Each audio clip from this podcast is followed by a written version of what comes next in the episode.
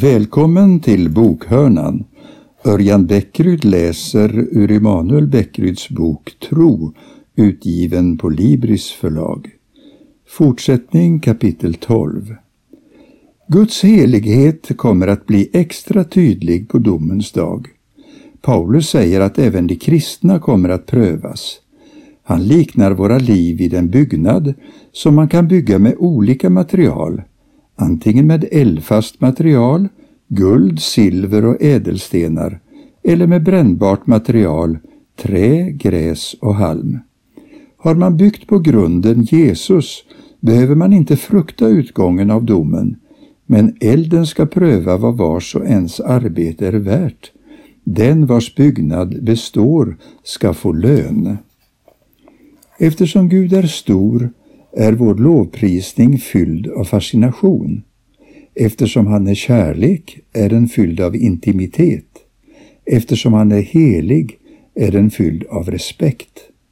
Sann lovprisning innehåller dessa aspekter fascination, intimitet och respekt.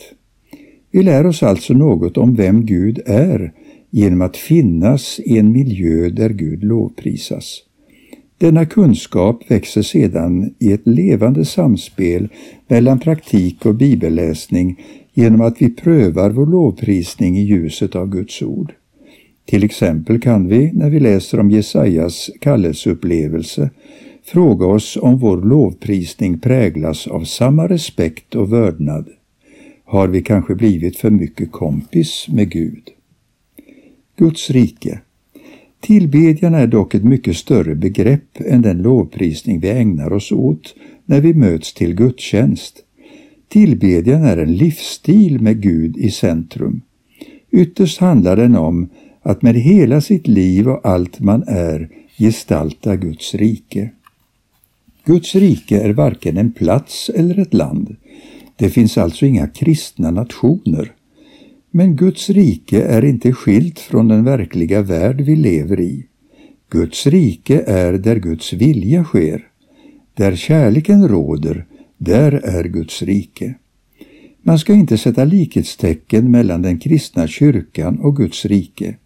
Den kristna gemenskapens kallelse är att vara ett tecken på och ett instrument för riket, det vill säga kyrkans roll är att göra Guds rike synligt, att förkroppsliga det.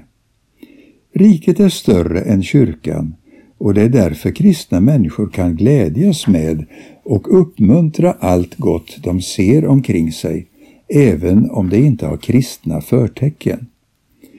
En levande kyrka är inte sekterisk och sluten mot omvärlden. Allt det goda i tillvaron kommer från himlaljusens fader, som Jakob säger.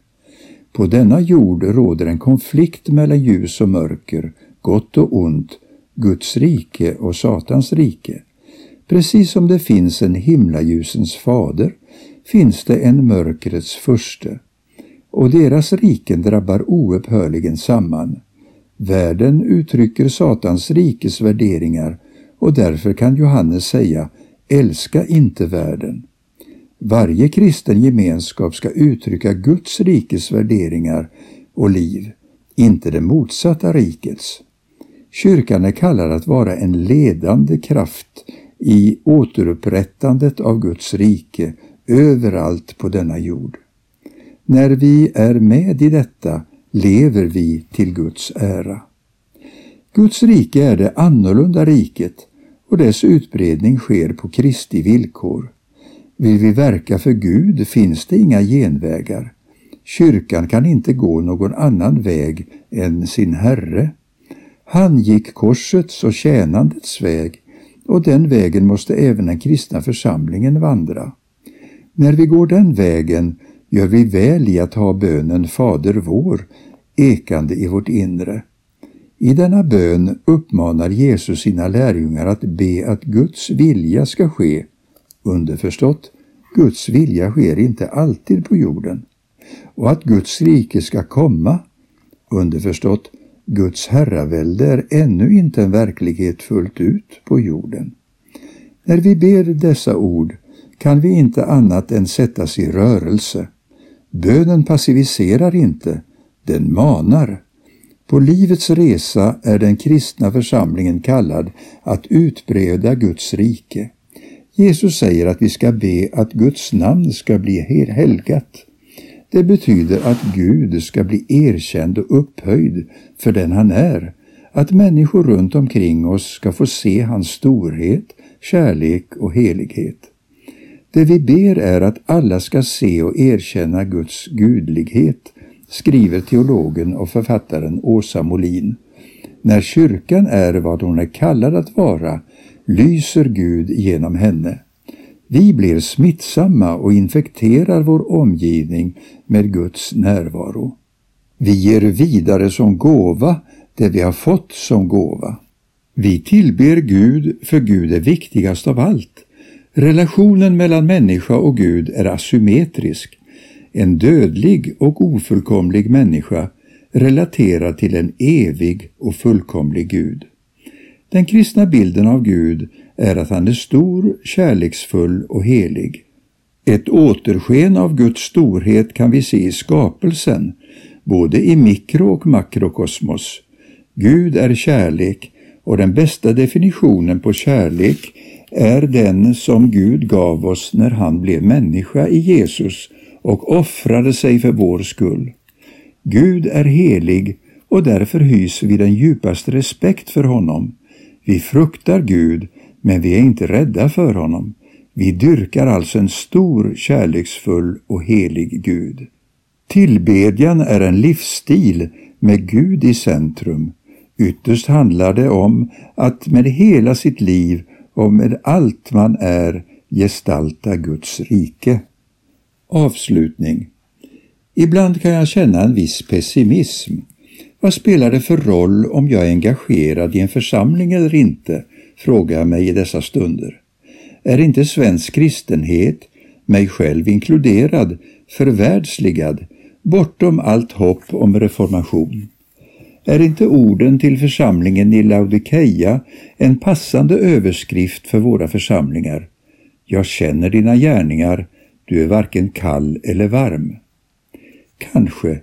Och ändå, ändå firas gudstjänster varje söndag på ort efter ort i vårt land och vecka efter vecka möts människor i Jesu namn i hemmen, tillber den treenige guden och försöker dela livet med varandra. Det finns alltså fortfarande gott om människor som regelbundet utför de gemensamma handlingar som karaktäriserar det kristna livet. Det är en stor och trösterik tanke. Vi kristna behöver gång på gång påminna varandra om att Gud är vardagens Gud. Vardagen är full av möjligheter till gudstjänst. I mitt sammanhang betonas ofta den personliga andakten. En stund i enskildhet varje dag för bön och bibelläsning ses som en god och sund vana. Jag vill inte på något sätt ifrågasätta detta, men jag frågar mig varför vi alltid betonar den personliga andakten. Varför talar vi så lite om den gemensamma andakten i hemmet, med vänner, arbetskamrater eller grannar? Varför är inte en kort andakt en självklar del av en trevlig fikakväll? Varför blir det pinsamt om någon säger ”ska vi be”? Skulle inte den personliga andakten bli en mer självklar del av livet om vi regelbundet bad tillsammans i de olika sammanhang vi befinner oss i? Varje gång två eller tre kristna möts är bönen en möjlighet och gåva. Tillsammans kan vi hjälpas åt att påminna varandra om den som är verkligast av allt, Gud. När jag står inför min församling en söndag förmiddag och leder gudstjänsten ser jag en församling som kämpar med sin identitet. Vilka är vi? Varför finns vi till? Jag ser en församling full av goda verksamheter av olika slag men förhållandevis lite bön. Det finns ingen manual, ingen gudomlig instruktionsbok om hur man bygger en församling. Församlingslivet får aldrig metodifieras. Istället för att fokusera på metoder och tekniker bör vi ägna vår uppmärksamhet åt Gud själv. Vi behöver upptäcka innebörden i det bortglömda ordet fromhet. Fromhet är inte ett glädjelöst tillstånd. Det handlar inte heller om att vara gammaldags eller verklighetsfrånvänd. Fromhet handlar om hängivenhet, men att vara from är inte detsamma som att vara engagerad. Det går att vara mycket engagerad i sin församlings verksamhet utan att vara speciellt from. Att vara from är att ha en djup relation med Gud, att känna Gud, att leva nära honom. Jag kommer aldrig att glömma den insikt som drabbade mig första gången jag läste den judiske religionsfilosofen Martin Bubers bok Jag och du. Enkelt uttryckt kan människan enligt Bober se på andra antingen som objekt eller som subjekt. Till exempel, när jag ser in i min frus ögon kan jag konstatera att de är blå. När jag tänker, hon har blå ögon, är min fru ett objekt. Jag ser på henne som ett ting bland andra ting. Hon är en varelse bland andra varelser och hon har egenskaper jag kan beskriva. Men jag kan se in i min frus ögon med en annan inställning. Jag kan se djupt in i hennes ögon och relatera till henne genom det. Jag kan få nåden att uppleva relationens mysterium. Jag upplever då en dimension av tillvaron som inte har att göra med det vi kan mäta, väga, kvantifiera eller beskriva. I dessa ögonblick blir Rebecka ett subjekt för mig, ett du och inte ett det. Vi möts i varandras blick. I dessa stunder är hon inte ett objekt jag kan beskriva, hon är en person som jag relaterar till. Bober har för alltid övertygat mig om att vår förmåga att relatera till andra är ett mysterium. Och när jag läste hans bok insåg jag att Gud ofta är ett det för mig och alltför sällan ett du. För att återknyta till begreppet fromhet, trots att jag är mycket engagerad i församlingen är jag inte speciellt from.